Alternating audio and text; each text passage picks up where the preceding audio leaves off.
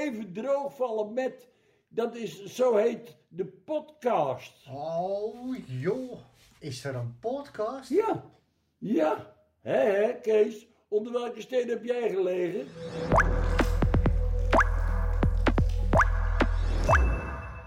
Welkom bij weer een nieuwe aflevering van de podcast, podcast Even Droogvallen Met. Mijn naam is Isabel Parkier en samen met mijn collega Tim Haasnoot vallen we vandaag even droog met Peter van Dalen.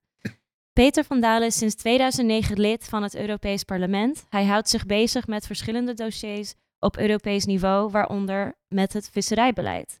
Hij is vicevoorzitter van de Visserijcommissie in het Europees Parlement en al vele jaren betrokken bij de sector. In deze podcast zullen we het hebben over zijn achtergrond, zijn werk binnen de Visserijcommissie en het Europees speelveld van de visserij. Hallo Peter. Hoi, Eh, goedemiddag. Goedemiddag, welkom bij Even Droogvallen Met. Bedankt dat je vandaag met ons in gesprek wil. Eh jij bent onder andere vicevoorzitter van de Visserijcommissie. Zou je daar meer over kunnen vertellen? Het Europees Parlement heeft een pakken bij twintig eh, commissies. eh, die over allerlei zaken gaan. Ik zit ook in de Mensenrechtencommissie, om eens een andere commissie te noemen. En ik zit in de Visserijcommissie eh, sinds 2014. Ik ben nu sinds 2019 eh, vicevoorzitter van de Visserijcommissie. Dat wil zeggen, uiteraard worden in de Visserijcommissie allerlei zaken besproken die te maken hebben met het visserijbeleid in Europa. Ehm, en als vicevoorzitter zit ik ook af en toe de vergaderingen voor.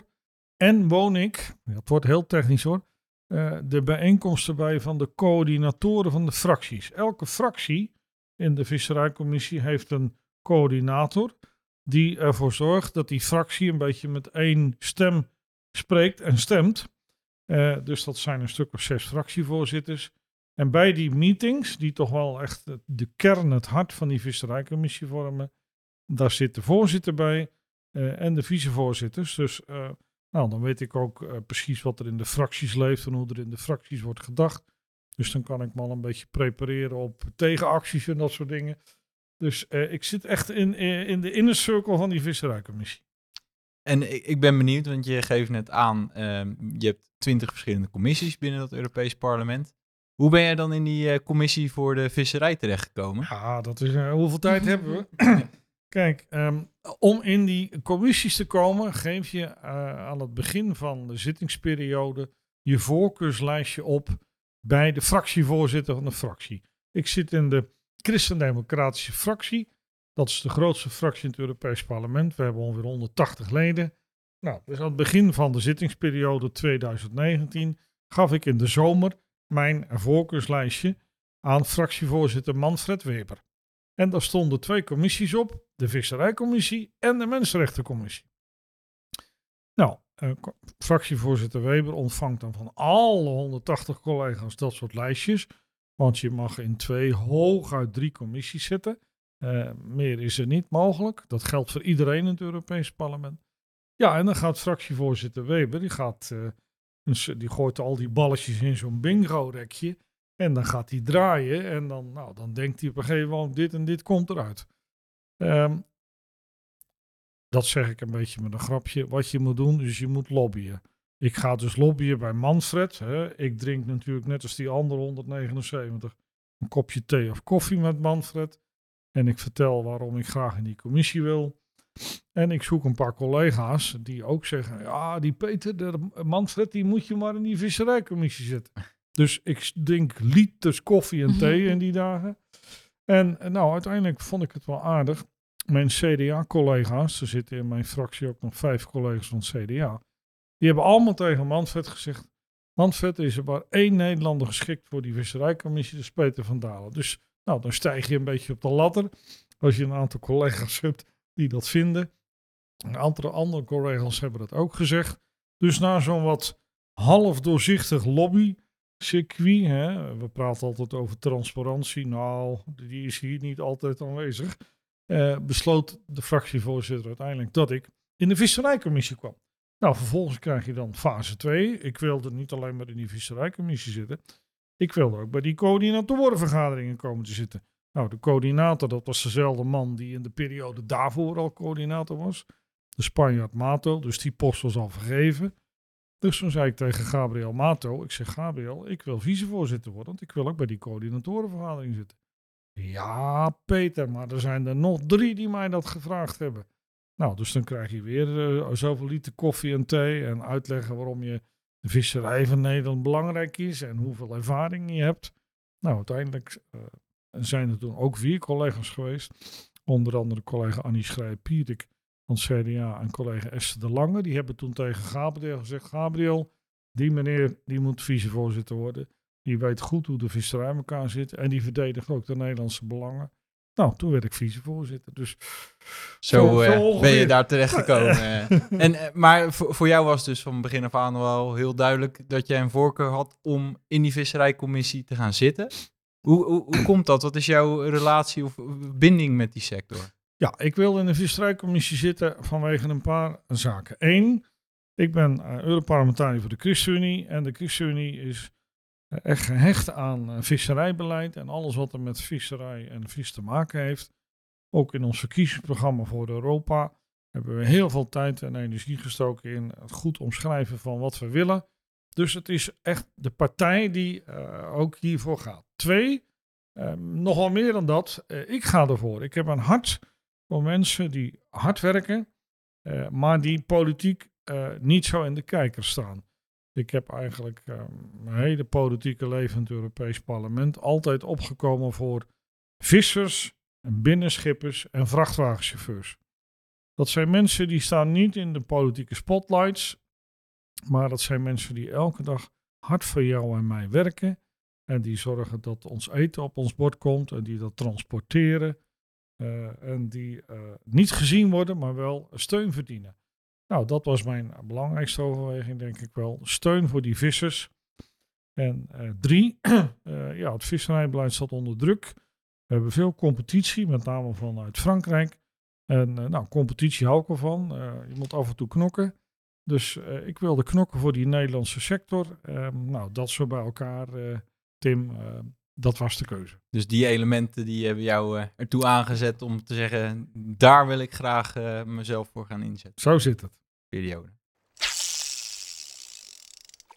Ja, en dan eh, zijn we weer aanbeland bij de rubriek een lijntje uitgooien. We zijn vandaag weer de straat opgegaan om bij willekeurige mensen op straat een lijntje uit te gooien door ze de vraag voor te leggen.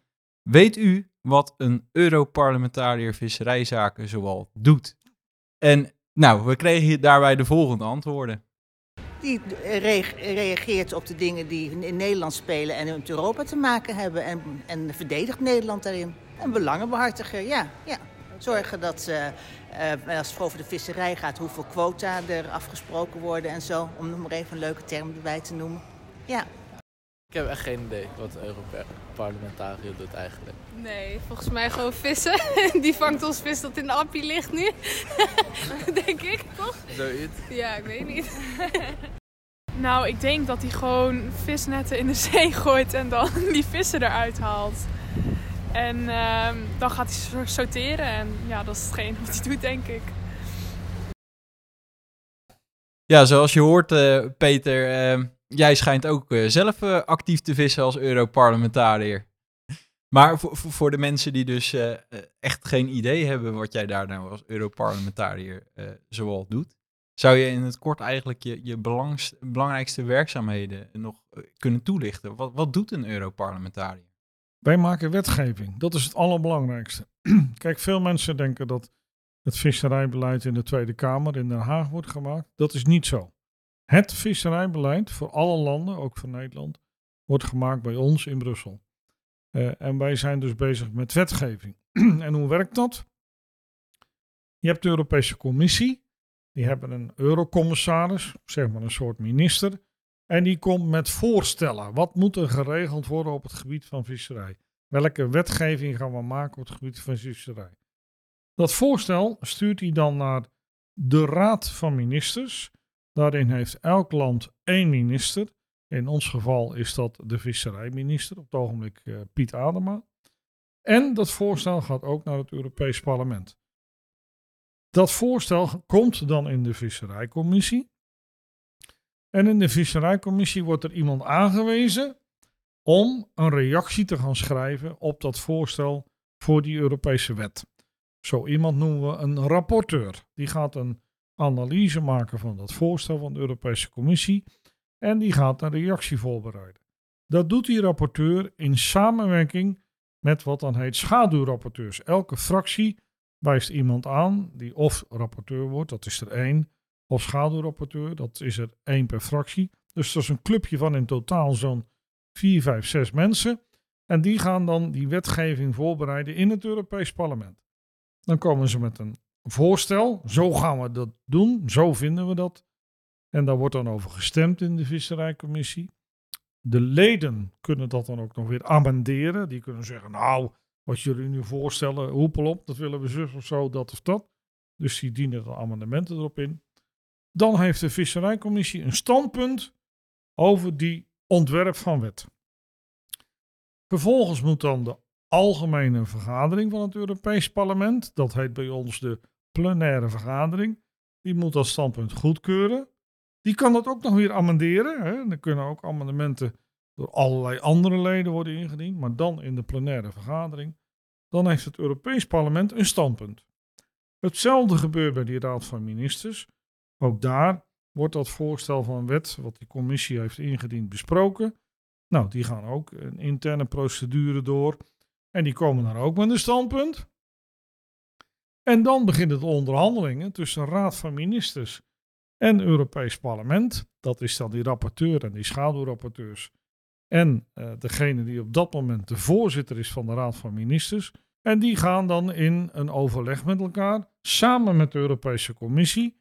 Dat is de derde partij die ooit het voorstel heeft ingediend. En dan zitten ze met z'n drieën daar. Dat noemen we ook dus de triloog. En die gaan dan onderhandelen over welke eindtekst moet er nou komen. Welke wet gaan we nu uiteindelijk maken. Nou, zo'n triloog kan kort duren, kan lang duren. En dan bedoel ik niet alleen in maanden, maar ook uh, nachtwerk. ik heb regelmatig een triloog meegemaakt dat ik pas ochtends om half vijf uh, weer naar buiten kwam. Wauw. nou, en dan uh, uiteindelijk komt er dan een standpunt uit. Als het goed is, hè, dat kan soms heel lang duren. En dan is er dus een ontwerp van wet, waarvan de drie partijen zeggen: zo moet het. En dat eindproduct moet dan ook weer worden goedgekeurd door het voltallige Europees Parlement en door die raad van, in dit geval de Raad van Visserijministers. Nou, als die dat dan goedkeuren, dan hebben we een nieuwe Europese wet die in heel Europa geldt, ook in Nederland. Nou, dat is een wat lang verhaal, Tim, maar allerbelangrijkste is, we maken wetgeving. En als we die wetten hebben, dan moeten ze die in Den Haag, in Berlijn, in Rome, in Parijs gaan uitvoeren. Uh, dat is eigenlijk uh, één. Twee, we hebben dus de Europese Commissie en daarin is er een, wat dan heet, visserijcommissaris, zeg maar een soort minister in Europa die dan visserij doet. Nou, die komt met wetgevingsvoorstellen. Maar dan bedenkt die man, het is een man, meneer uh, uh, die bedenkt het ook niet allemaal zelf. Die krijgt natuurlijk af en toe een voorzet, bijvoorbeeld vanuit het Europees Parlement. Dat noemen we dan, in Den Haag heet zo'n voorzet een motie. Wij spreken dan over een resolutie. Dus dan wordt er bijvoorbeeld een resolutie ingediend door het Europees Parlement om dit of dit te gaan regelen. Nou, dan kan die commissaris zeggen: Ja, dat vind ik eigenlijk wel een zinvol idee. Ik ga een nieuwe wet maken. Of hij zegt: Nou, dat is wc-papier, daar doe ik niks mee. Maar dan moet hij wel komen uitleggen, het Europees Parlement, waarom hij er niks mee doet. Dus dat is twee. We beïnvloeden het hele beleid. Wij geven richting aan naar de Europese Commissie toe van joh, je moet die en die kant op met je wetten. Dus dat is het tweede heel belangrijke. uh, het beleid in bepaalde richting duwen. En drie, uh, ja, je moet natuurlijk wel weten wat er speelt. Dus ik heb veel contacten met de visserij, vooral in Nederland natuurlijk, maar ik praat ook wel met organisaties in andere landen. Uh, om goed te weten wat speelt er uh, welke opvattingen leven En dat betekent niet alleen werkbezoeken, maar ook daadwerkelijk op zee gaan, maar ook overleg plegen met allerlei soorten visserijorganisaties. Nou, dat zijn denk ik zo de belangrijkste dingen die doen. Maar het allerbelangrijkste nogmaals is dus wetgeving maken. En dat maakt het tegelijkertijd ook zo belangrijk. Hè, want nogmaals, veel mensen denken, ja, hier in Den Haag, de Tweede Kamer, die bepaalt wel. Nee, dat is niet zo. Dat bepaalt, bepaalt het Europees Parlement samen met de Raad van Visserijministers. Ja, dankjewel. Ik had, ik had een vraagje. Ehm, volgens mij heb je het op de laatste punt genoemd. Maar waar zitten vissers eigenlijk in dit verhaal? En hebben ze hier ook eh, mee te maken? Of... Ja, kijk, de vissers zitten hier wel degelijk in het verhaal. In de eerste plaats omdat de leden van de Visserijcommissie, waar ik er een van ben, wij hebben allemaal goed contact met de visserij en met de visserijorganisaties. Ik ben dan een Nederlands Europarlementariër. Natuurlijk luister ik vooral naar wat er in Nederland leeft. Maar collega's uit Duitsland of Frankrijk of Italië, die zorgen natuurlijk dat ze goed weten wat er in hun land leeft. Dus veel overleg met die vissers. Maar de vissers hebben ook Europese organisaties. Die zijn ook Europees georganiseerd. En een paar van die Europees georganiseerde visserijorganisaties hebben ook regelmatig overleg met die eurocommissaris. Zodat ze die meneer dan ook vertellen, joh, denk hier en hier en hier aan. En wat er ook gebeurt, de Visserijcommissie van het Europees Parlement houdt ook regelmatig hoorzittingen. Dan hebben we een bepaald onderwerp waarvan we zeggen, nou, daar willen we eens een aantal specialisten over horen.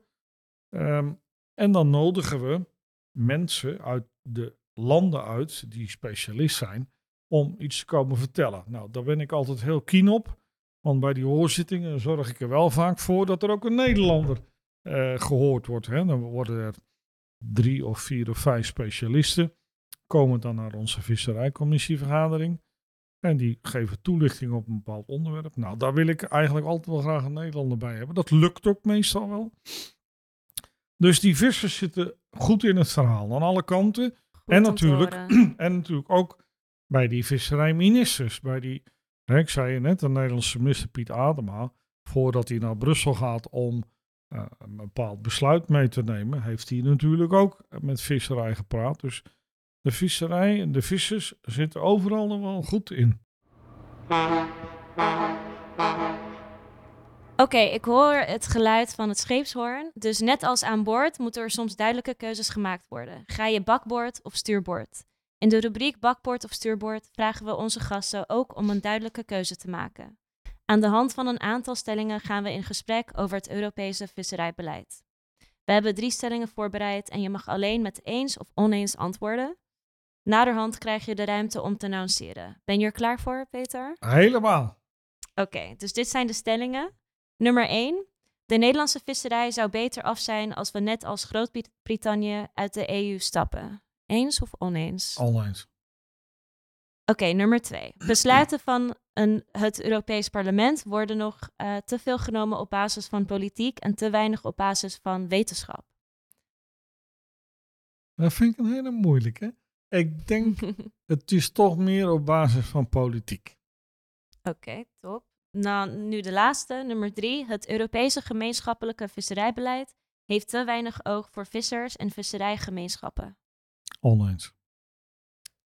Goed, nou dan eh, gaan we maar met die eerste stelling eventjes eh, wat verder met elkaar in gesprek. Want eh, daarover was je heel resoluut. Eh, we zijn beter af met de visserij eh, binnen de EU dan erbuiten. Kun je vertellen waarom jij daar zo over denkt? Ja, nou laten we beginnen bij de Britten. Eh, ik kom regelmatig in Groot-Brittannië. En ook op visafslagen in Groot-Brittannië.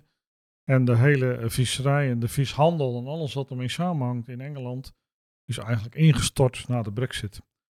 Eh, daar is weinig meer van over. En de bedrijven in Engeland die nog vis doen, en vis ook zelf eh, vissen op zee, er zitten heel wat buitenlanders, bijvoorbeeld uit Nederland bij.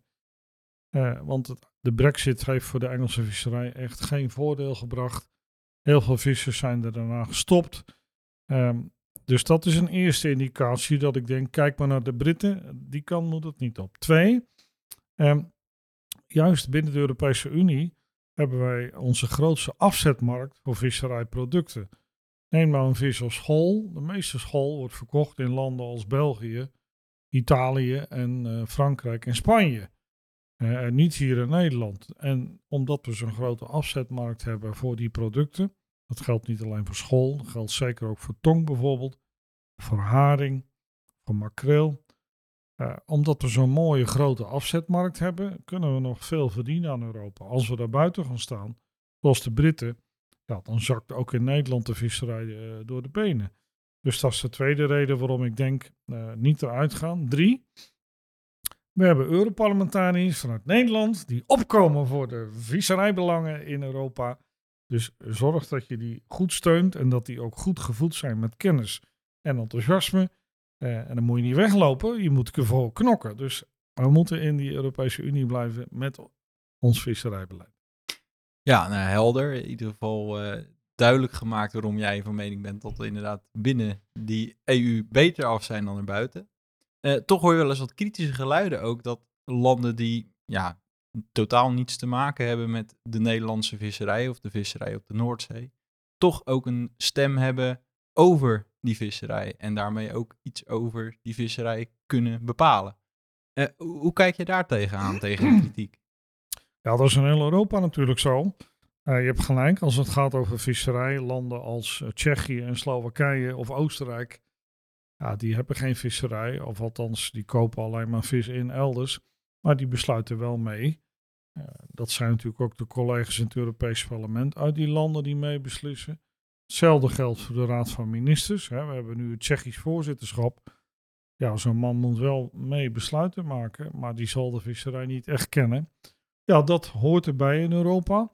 Ehm, bovendien is het zo dat al die ministers hebben in hun team wel visserijspecialisten zitten.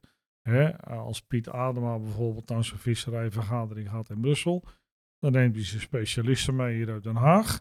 Maar we hebben ook in Brussel de Nederlandse permanente vertegenwoordiging. Dat heeft elk land. En daar zitten ook diverse visserijspecialisten die daar dan ook eh, mee meegaan in die vergaderingen. En dat hebben ook de andere landen. Maar ja, omgekeerd geldt hetzelfde. Er zijn denk ik misschien wel terreinen te bedenken waarop Nederland ook niet zo heel veel doet in Europa. Waarvan we zeggen, nou ja, dat vinden we minder belangrijk. Eh, je zou bijvoorbeeld kunnen denken aan eh, bepaalde aspecten van de gezondheidszorg bijvoorbeeld. Eh, nou, dat is voor Nederland wel belangrijk, maar voor sommige landen zoals Duitsland en Italië heeft dat een zeer grote prioriteit. Nou, dan moeten wij misschien toch ook mee beslissen over onderwerpen waar we niet op de voorste rij zitten. Dat hoort er nu eenmaal bij eh, in Europa. Dus eh, ja, die kritiek van eh, er wordt beslist door mensen die niet of minder verstand hebben van Europa of het Europese visserijbeleid.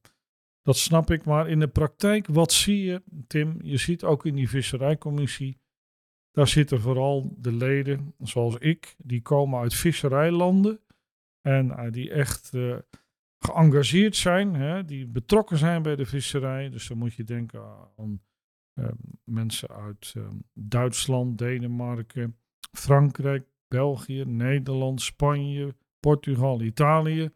En in onze visserijcommissie er zit geen één Tsjech of er zit geen één Slovaak. En dat is ook logisch, want ja, die kijken daar gewoon veel minder naar. Dus als ik ook gewoon kijk naar de samenstelling van degenen die beslissen over die visserij. Dan zit Dat- daar voldoende inhoudelijke Ja, kennis. om dat zijn het, eh, mensen die echt wel weten wat het over gaat. Over het algemeen hoor. Er eh, Uitzonderingen daar gelaten. er zijn ook wel wat uitzonderingen, vrees ik. Maar... Helder. Ja, en dan wil ik eh eventjes terug naar die, eh, die tweede stelling. Eh, besluiten van het Europees Parlement worden nog te veel genomen op basis van politiek en te weinig op basis van wetenschap. En ik zag al gelijk in jou, dat vind jij een hele lastige. En uiteindelijk, na lang wikken en wegen, gaf je aan van ja, eens. eh, vooral nog politiek. Nee, het antwoord is wel uiteindelijk politiek, maar en we hebben net al uitgespreid gesproken over die vangsthoeveelheden en die vangstrechten. Over die 70 vissoorten in de Noordzee bijvoorbeeld. Dat gebeurt allemaal op grond van wetenschappelijke analyse. Er is een wetenschappelijk instituut met hoofdkwartier in Denemarken. Ehm ICES heet dat, de Internationale Commissie voor de, de Zee. En die onderzoeken continu hoeveel soorten vis er in de Noordzee zitten, hoeveel soorten vis er ook naar de eh, noordoostelijke en noordwestelijke Atlantische wateren trekken en hoeveel er daar zijn. Dus die monitoren echt voortdurend.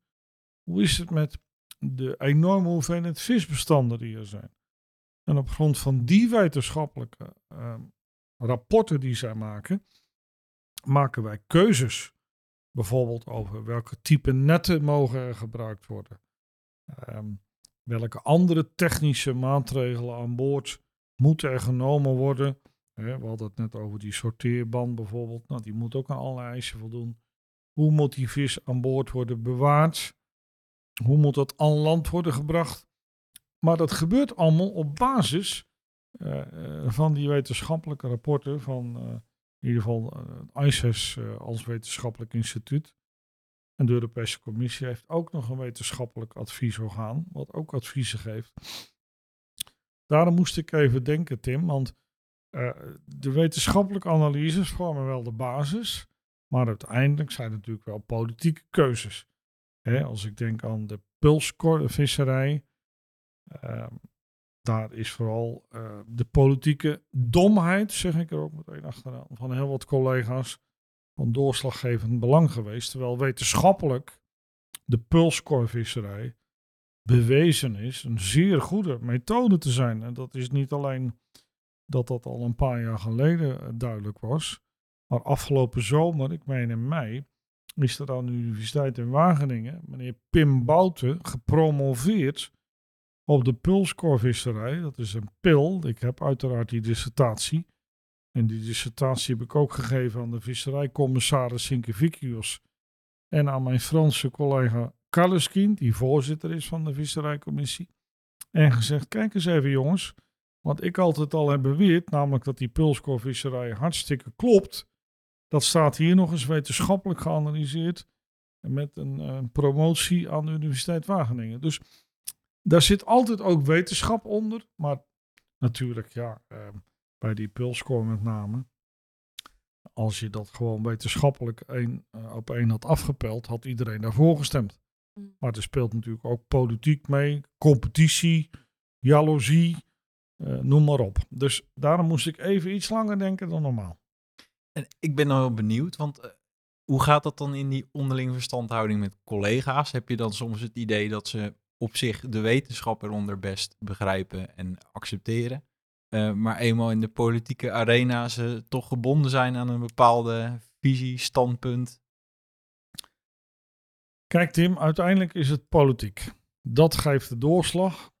Uh, en natuurlijk hou je rekening met wetenschappelijke studies en feiten die onderzocht zijn. We gebruiken zeker de gegevens van de wetenschap, maar uiteindelijk is het politiek. Dus ja, dan zijn er wel eens mensen die doen de ogen even dicht. En die denken dan, ja, wetenschap, wetenschap, dat komt mij even niet uit. Uh, tot ziens. Zo gaat het. Pardon the job, zullen we maar zeggen. Exactly. En um, tot slot, terugkijkend uh, op dat hele pulsverhaal. Wat is nou, um, als je daarop terugblikt, hetgene wat jij daarvan hebt meegenomen? Wat, wat heb jij nou echt geleerd naar aanleiding van uh, puls? debakel, zullen we maar zeggen, vanuit Nederlands perspectief? Een paar dingen. In de eerste plaats um, de invloed van emotie. De invloed van emotie in de politiek is groot. Um, in die jaren, dan praten we over de periode 2017-2019, uh, waren er uh, allerlei filmpjes uh, die dan zogezegd aantoonden hoe kwalijk die puls was. En dat was ook regelmatig gewoon knip- en plakwerk hoor. Maar ook, ik zal nooit vergeten, er was een meeting, een, soort hoorzitting meeting. En er was een Franse organisatie, Bloom. En die kwamen vertellen waarom die puls zo slecht was. En dat deden ze niet aan de hand van wat sheets en dergelijke. Maar ze hadden ook een dansgroep hadden ze meegenomen. Een groep van zo'n 20, 30 mensen. Allemaal gekleed in witte gewaden. Het waren allemaal onschuldige engeltjes als je ze zag. En die deden een dans macabre. Dus die deden dan alsof ze door de puls, hè, ze waren dan visjes, mm. getroffen waren. En aan het einde van de voorstelling vielen ze allemaal als dood in de zaal neer. Nou, heel wat collega's dachten, oh ja, gaat dat zo? Is dat, is oh ja, joh. Dus die waren nogal geraakt door die emotie. En Bloem had ook een poster ontworpen met een visje daarop. En die vis die werd door een enorme bliksemstraal geëlectrocuteerd. Nou, dat plaatje, dat, dat deed het helaas erg goed. En als je dan collega's hebt die zich of te weinig in de materie misschien wel bewust willen verdiepen. Of als je collega's hebt die denken, ah, wat er ook gebeurt, die puls moet ophoepelen. Dan omarm je natuurlijk dat soort dingen. Dus het is ook emotie. Want in die tijd hadden wij ook al wel wetenschappelijke studies die lieten zien, die puls is puik. Maar ja, eh, dan waren er dat soort emotionele dingen. Ik weet nog goed, in die tijd sprak ik met een Italiaanse collega. Een mevrouw uit een andere fractie. En ik zeg tegen haar, joh, weet je wat puls is? Ja, dat weet ik. Weet ik alles van. Ik zeg, zo, dat is interessant. Vertel eens.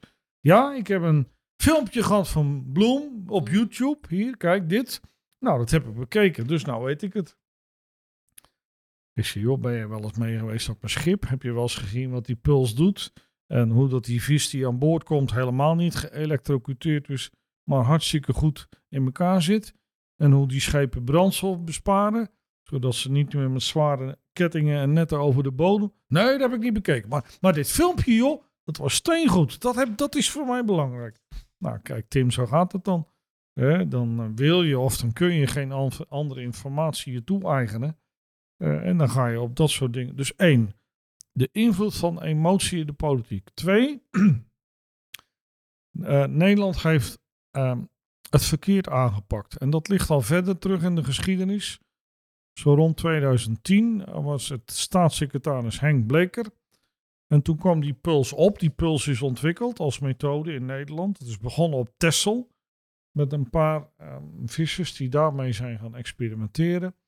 En zo rond 2010 was die vismethode eh, echt goed in orde. Want je kan je voorstellen, elektriciteit en water, dat is natuurlijk ingewikkeld. Maar ze hadden perfect geregeld. En door die puls zou de brandstof enorm bespaard worden. Want je hoeft niet meer met zware net over de zeebodem te trekken. Dus veel minder CO2-uitstoot, want minder brandstofgebruik. En ook de zeebodem werd niet meer omgeploegd. Dus hartstikke goed. Duurzaam, milieubewust. Nou, toen ging meneer Henk Bleker naar de Europese commissaris. En die zei, ja, er is een nieuwe methode ontwikkeld, de pulskorvisserij. Maar die is nog steeds niet toegestaan eh, in de Europese wetgeving. Mogen onze vissers alvast met ontheffing, totdat die nieuwe wet er dan komt, gaan vissen. Nou, dat vond de Europese Commissie goed. Toen mochten er, geloof ik, iets van 40 kotters met ontheffing, want dat was nog niet toegestaan, mochten met de pulskoor gaan visserijen. Maar wat had Nederland toen moeten doen? Toen had Nederland moeten zeggen: oké, het is een ontheffing. Wij gaan nu met alle andere landen, met de Fransen, met de Duitsers, met de Belgen, gaan wij samen kijken. Is die methode inderdaad zo milieuvriendelijk? Is elektriciteit en water niet slecht voor die vissen? Nederland had meteen een inclusief proces moeten maken om iedereen daarbij te betrekken. Nou, dat gebeurde niet. Sterker nog, een paar jaar later was mevrouw Sharon Dijksma, de burgemeester van Utrecht, was staatssecretaris. En die ging weer naar de Europese Commissie en die zegt: Ik wil er nog 40 kotters bij hebben die een ontheffing mogen krijgen. Nou ja, zei de Europese Commissie: We hebben geen klachten gehad, doe maar. Nou, zodra dat bekend was, al die andere landen stonden op hun achterste benen. Dat kan niet. 80 kotters die al met ontheffing varen. Er wordt ons niks verteld. Wij mogen nergens in meedoen. Wij mogen niet kijken in hoe dat, dat gaat. Nou ja, daar is het fout gelopen. Nederland is veel te veel niet inclusief, niet transparant. Alleen maar ontheffingen blijven vragen. Dat, dat is echt een groot nadeel geweest. Dus twee, zorg, je houdt rekening met emotie. Maar zorg ook dat je processen transparant zijn, inclusief. En dat je niet alleen maar zelf uh, de, de, de, de goudkorreltjes wegplukt en voor jezelf houdt, maar dat je die deelt met anderen. Want op een dag krijg je dat deksel op je neus. Nou, dat is gebeurd in 2019. Toen was die wetgeving lag wel op tafel. Hè? En een meerderheid van het Europees Parlement zei toen weg ermee. En de meerderheid van de visserijministers, die zei ook weg ermee. Kortom, toen werd het verboden. Ja, en terugkomend op uh, jouw tweede punt, hè, dus dat, dat inclusieve proces. Is dat iets wat de lidstaten dan zelf vorm eh, moeten geven? Of zeg je eigenlijk zou ook vanuit de EU daarin in gefaciliteerd moeten worden? In dit geval is dat echt een opdracht van de lidstaat Nederland. Nederland heeft gezegd, wij hebben iets nieuws bedacht, dat ziet er goed uit. En dat houden we niet voor onszelf, dat delen we met iedereen. Want iets moois, als ik iets moois heb en we kunnen er allemaal van profiteren, dan deel je dat in Europa met elkaar. Dus in dit geval had Nederland het initiatief moeten nemen en had tegen de eurocommissaris visserij kunnen zeggen, joh, wil jij nou dit met, elkaar delen, dat we dit met alle landen doen, maar het initiatief daarvoor had Nederland moeten nemen. En eh, je hoort dan ook wel geluiden van, of met name Nederlandse belangenbehartigers ook, van ja, het was een fantastische vinding voor eh, de Nederlandse visserij, die tongvisserij. En andere landen hebben daar simpelweg niet zo'n heel groot belang bij op die Noordzee. Dus het was ook lastig om ze daar ja, aan die tafel te krijgen. krijgen. Dat is ten dele waar. Ehm, het is natuurlijk ook zo dat er wel andere landen eh, ook vissen op tong en school. Hè. Denk aan bepaalde kotters uit België, Duitsland en Denemarken. En zelfs wel enkele Engelse kotters toen nog. Maar je hebt gelijk, de meerderheid waren kotters uit Nederland die op school en tong visten en vissen. Maar ook dan nog is het wel van belang dat je iedereen meeneemt. Ehm, dan uh, die derde stelling. Um, het Europees gemeenschappelijk visserijbeleid heeft te weinig oog voor vissers en visserijgemeenschappen. Nou, was jij heel resoluut in oneens. Ja, daar ben ik het niet mee eens. Omdat wat ik al zei, uh, de vissers en de visserij en de visserijgemeenschappen zitten op allerlei manieren uh, in en rondom de tafel en in de besluitvorming. Ik heb dat al eerder in onze podcast uitgelegd. Hoe iedere Europarlementariër overlegt met visserij en visserijorganisaties. Uh, hoe ook de ministers uh, daarin gevoed worden. Hoe ook Europese visserijorganisaties direct met de eurocommissaris spreken. Dus terug naar de stelling. Ja, ik vind dat die vissers ruim voldoende aan bod komen in Europa. Maar het spanningsveld milieu-visserij is wel eens wat complex. Ja, en ik wil nog heel even teruggrijpen op, op die rol van vissers- en visserijgemeenschappen. Um, want nou, zoals je aangeeft, daar is wel degelijk uh, oog voor. En um, daar probeer je ook rekening mee te houden in het uh, vormgeven van beleid.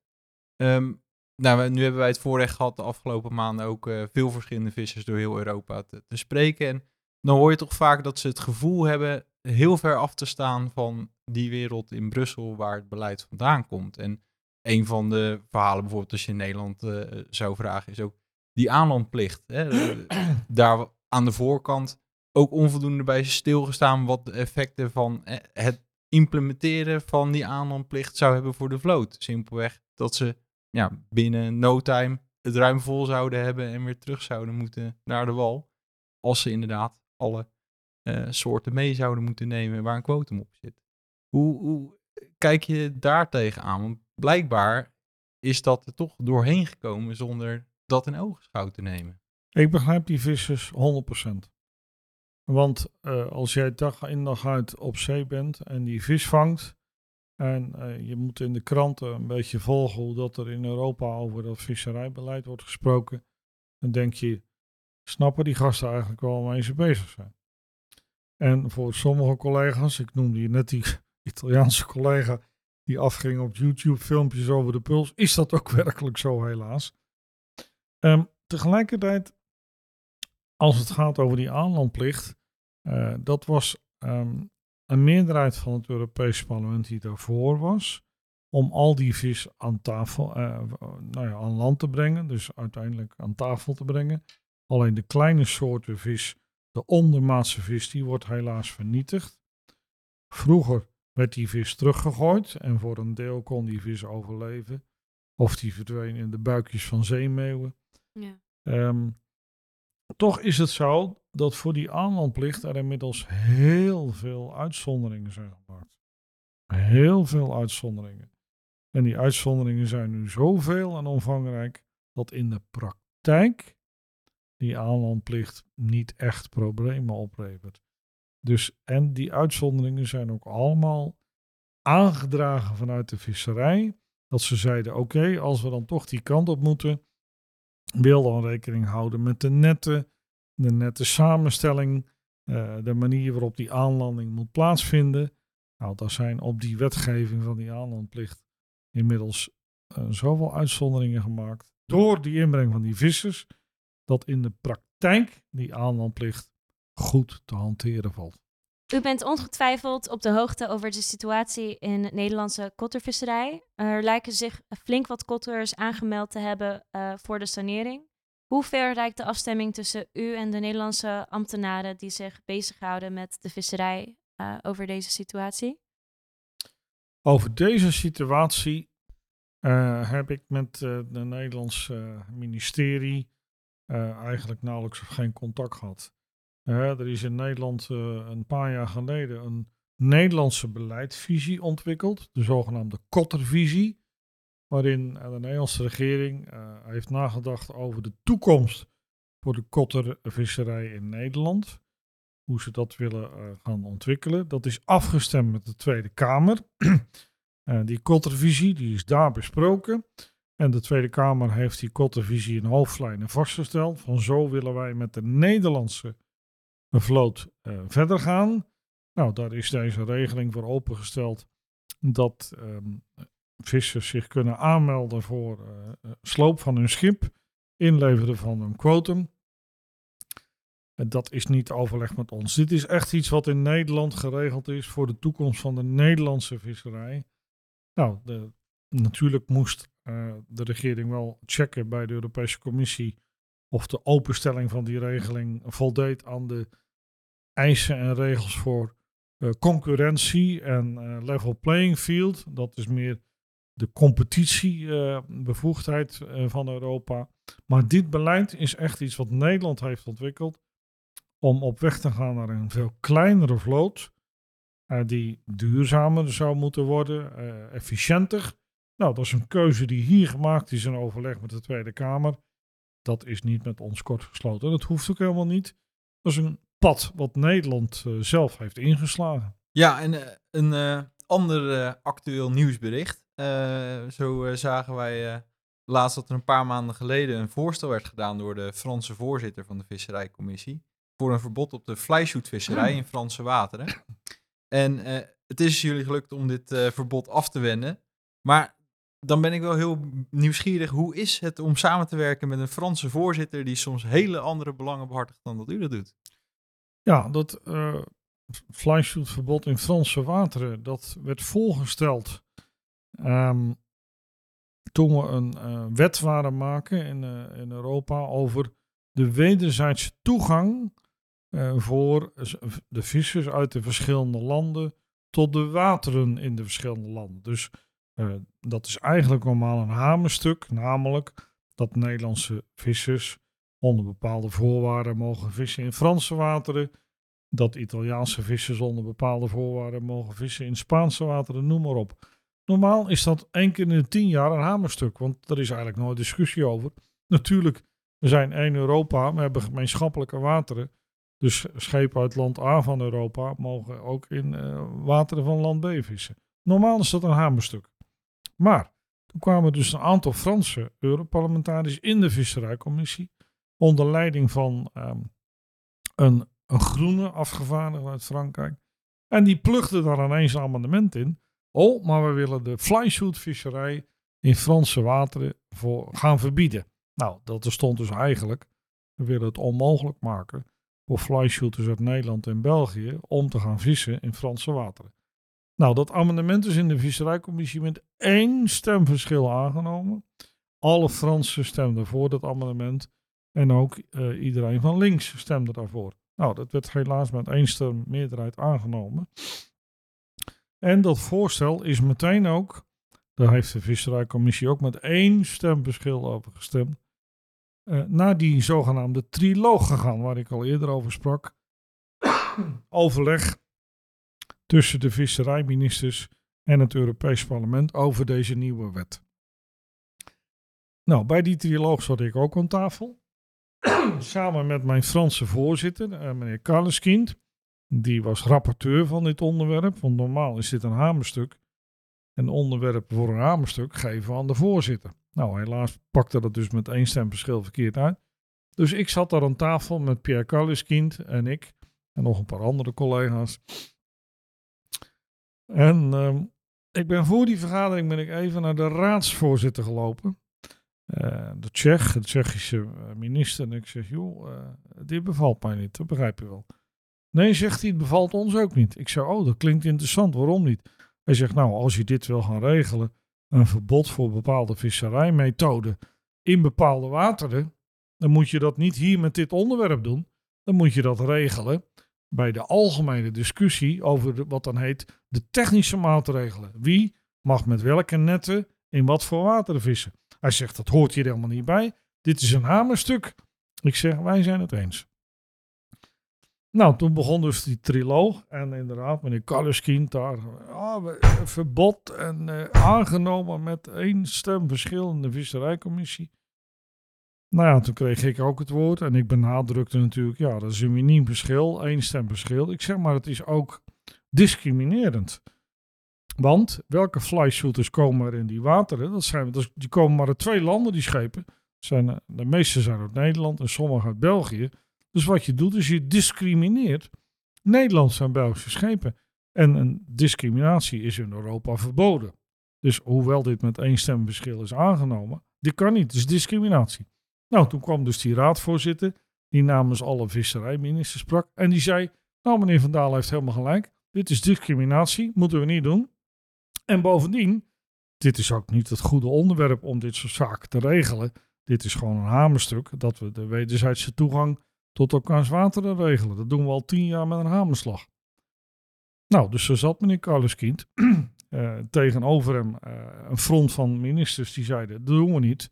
En met een verdeelde delegatie, waarbij er dus één een beroep deed op zo ongeveer het, het heiligste gebod in Europa. Gij zult niet discrimineren. Nou, bij die onderhandelingen, zei de triloog, zat ook de Europese Commissie.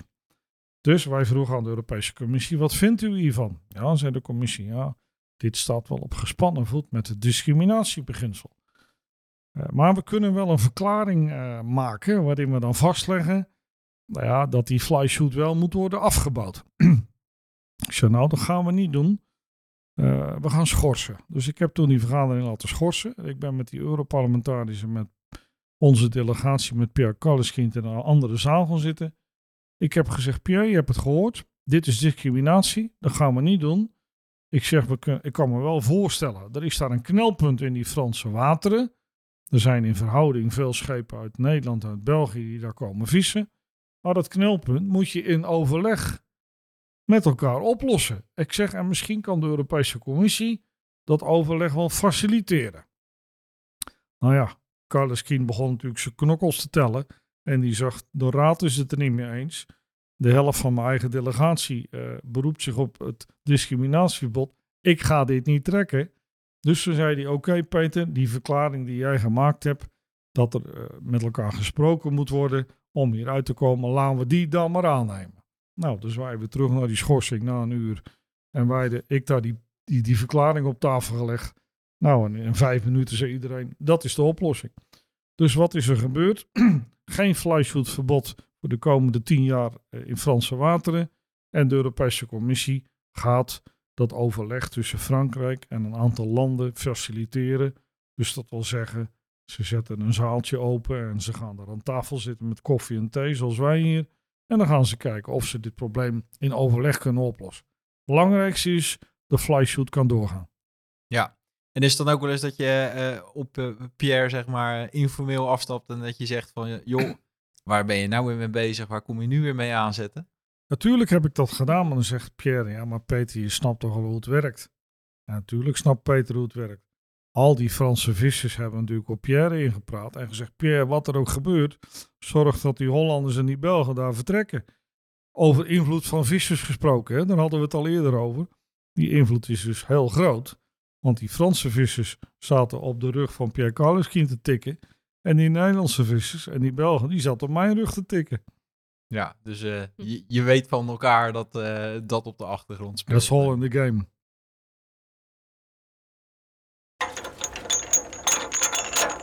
Goed, dan zijn we alweer aangekomen bij de laatste rubriek van eh, de podcast, oftewel eh, de kettingvraag.